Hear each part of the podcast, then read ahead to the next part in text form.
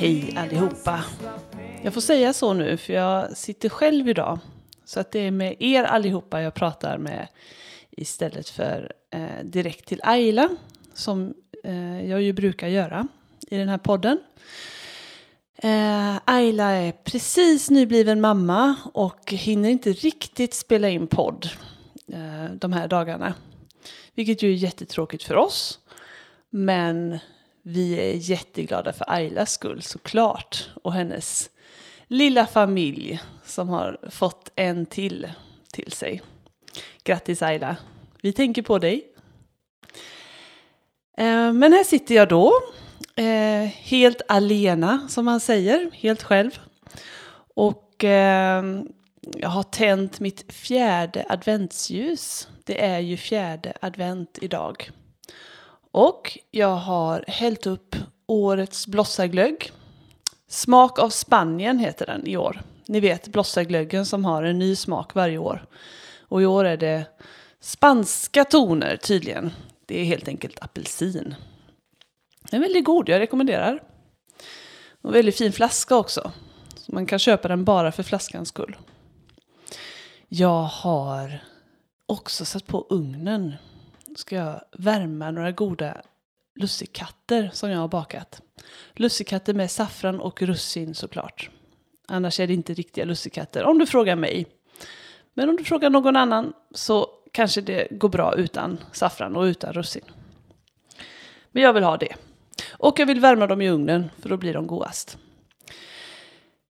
Eh, ja, och vad säger man då? Jo, men jag skulle säga att det här är, häng med nu, dagen före, dagen före dagen före dagen före dagen före dopparedagen.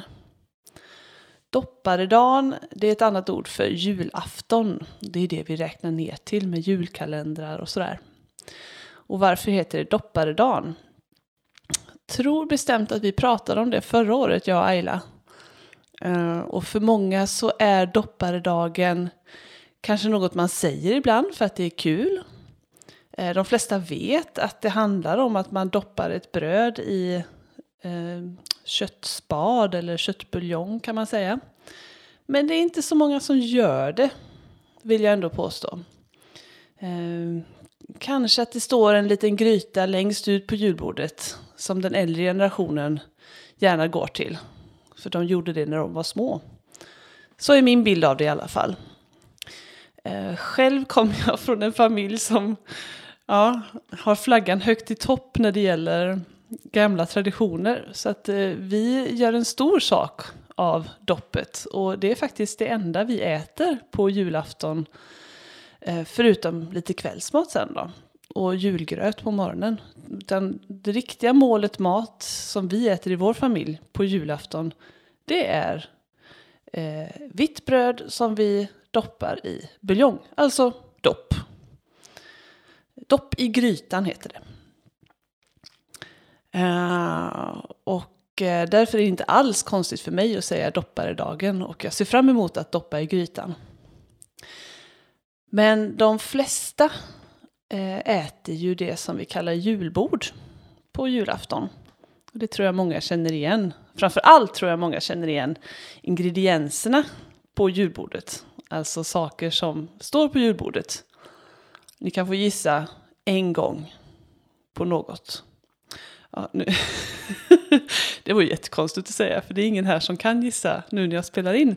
Men jag kan riktigt höra ändå genom eten här. Sill, köttbullar, korv, prinskorv förstås då. Och ja, ni har ju så rätt. Prinskorv, köttbullar, sill. Det är de där tre varorna som återkommer vid varje tradition. Det tror jag också att vi har sagt vid något tillfälle när vi har spelat in olika traditionsavsnitt. Så är det som att varenda gång vi pratar om typisk påsk, typisk midsommar, typisk jul. Ja men då är sillen där, köttbullen är där och liksom säger hej. Och det är så.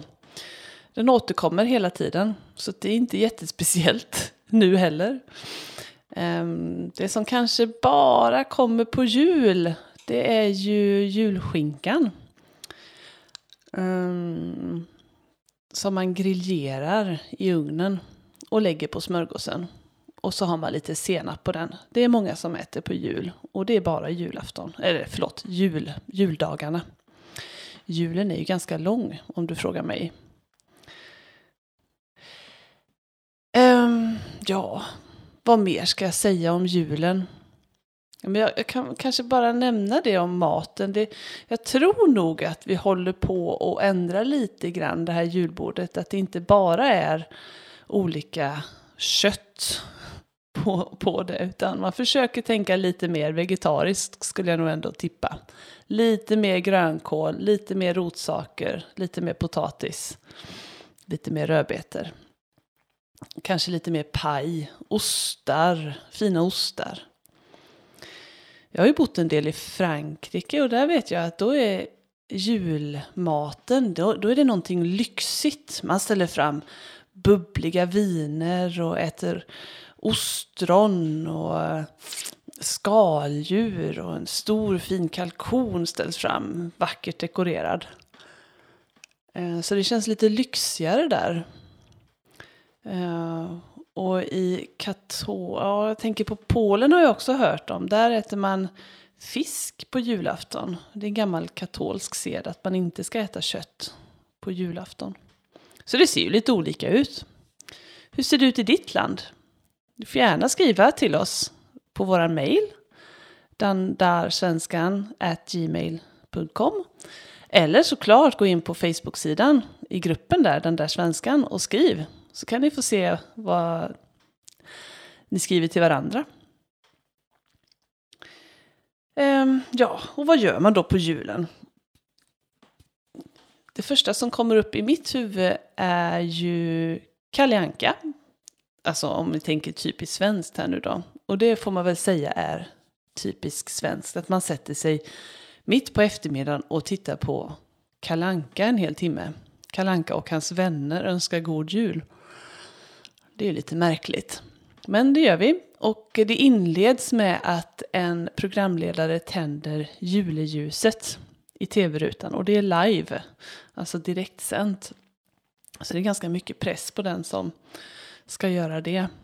Och så är det alltid en liten snackis vem som ska göra det. I år vet jag att det är Tarek Taylor, den här kocken som är så folkkär. Alla gillar Tarek. Det blir mysigt. Um, det är en traditionellt sett familjehögtid kan man säga. Mer än någon annan av de stora traditionerna som vi firar, påsk och midsommar och sådär, eh, så är det um, familjen man tänker på först och främst. Traditionellt sett då. Det kan säkert se olika ut där också. Um, de flesta tror jag är hemma hos sig själva eller hemma hos någon annan. Men där kanske man också ser en tendens till att eh, vissa tycker att det är skönt att komma iväg på jul så att man slipper den här stressen och skynda sig och baka alla kakor och göra eget godis och fixa hela julbordet. Det kan vara skönt att bara strunta i allt det, köpa en flygbiljett till Thailand och ja, men, ligga på stranden och önska varandra god jul. Det är nästan så jag blir sugen på det själv när jag säger det. Eh, men jag har gjort det en gång faktiskt. Jag firade jul eh, i, på Sri Lanka, eh, alltså ön söder om Indien. Det var väldigt speciellt eh, och jag fick ju inte riktigt den känslan som jag får när jag firar jul hemma i Sverige. Och jag saknade ändå eh, mitt sätt att fira jul. Även om jag hade det jättebra där så kände jag ett sting av saknad. Eh, och för mig så handlar julen om att vara med familjen. Eh, ganska mycket vila faktiskt. Eh, sitta ner och bara ta det lugnt. Lägga pussel, läsa en bok. Och den allra bästa stunden på hela jul högtiden. Mm, alltså av alla juldagar. Det är på julaftons kväll. när man har gjort allt det. Man har ätit all mat, man har tittat på Kalle Anka, tomten har varit där och delat ut presenter, paket har öppnats. Alla har gått hem. Och då, då tycker jag att det blir lugnt och skönt och jag känner det här som man kallar julefrid. Ett lugn i hela kroppen som infinner sig. Ja, det tycker jag är härligt. Det är någonting speciellt som händer då. Och då går jag gärna ut och tar en kvällspromenad. I bästa, bästa fall så kanske det har snöat och man kan se stjärnor och månen. Då blir det lite extra stämning. Men även om det inte är det så ligger det någonting fridfullt över hela världen. Ja, för mig då i alla fall. Det är min favoritstund. Vad är din favoritstund på julen? Eller din, det bästa rent allmänt med julhögtiden? Det kan du också gå in och skriva på eh, vår Facebookgrupp om du vill. Så får vi se hur ni firar jul. Det var egentligen allt jag hade idag. Eh, en liten kortis. Eh, för att jag är själv och jag saknar Ayla såklart. Ehm, men vi kommer tillbaka och eh, vi har redan planerat att ha en um, årskrönika här framöver. Vi får se om Ayla får tid, annars så, um, så kommer vi få lite gäster och sånt där som kommer prata med oss. Eller med mig då. Så att uh, det ser vi jättemycket fram emot. Och tills dess så önskar jag er alla en riktigt god jul och ett gott nytt år. Ha det gott. Hej då!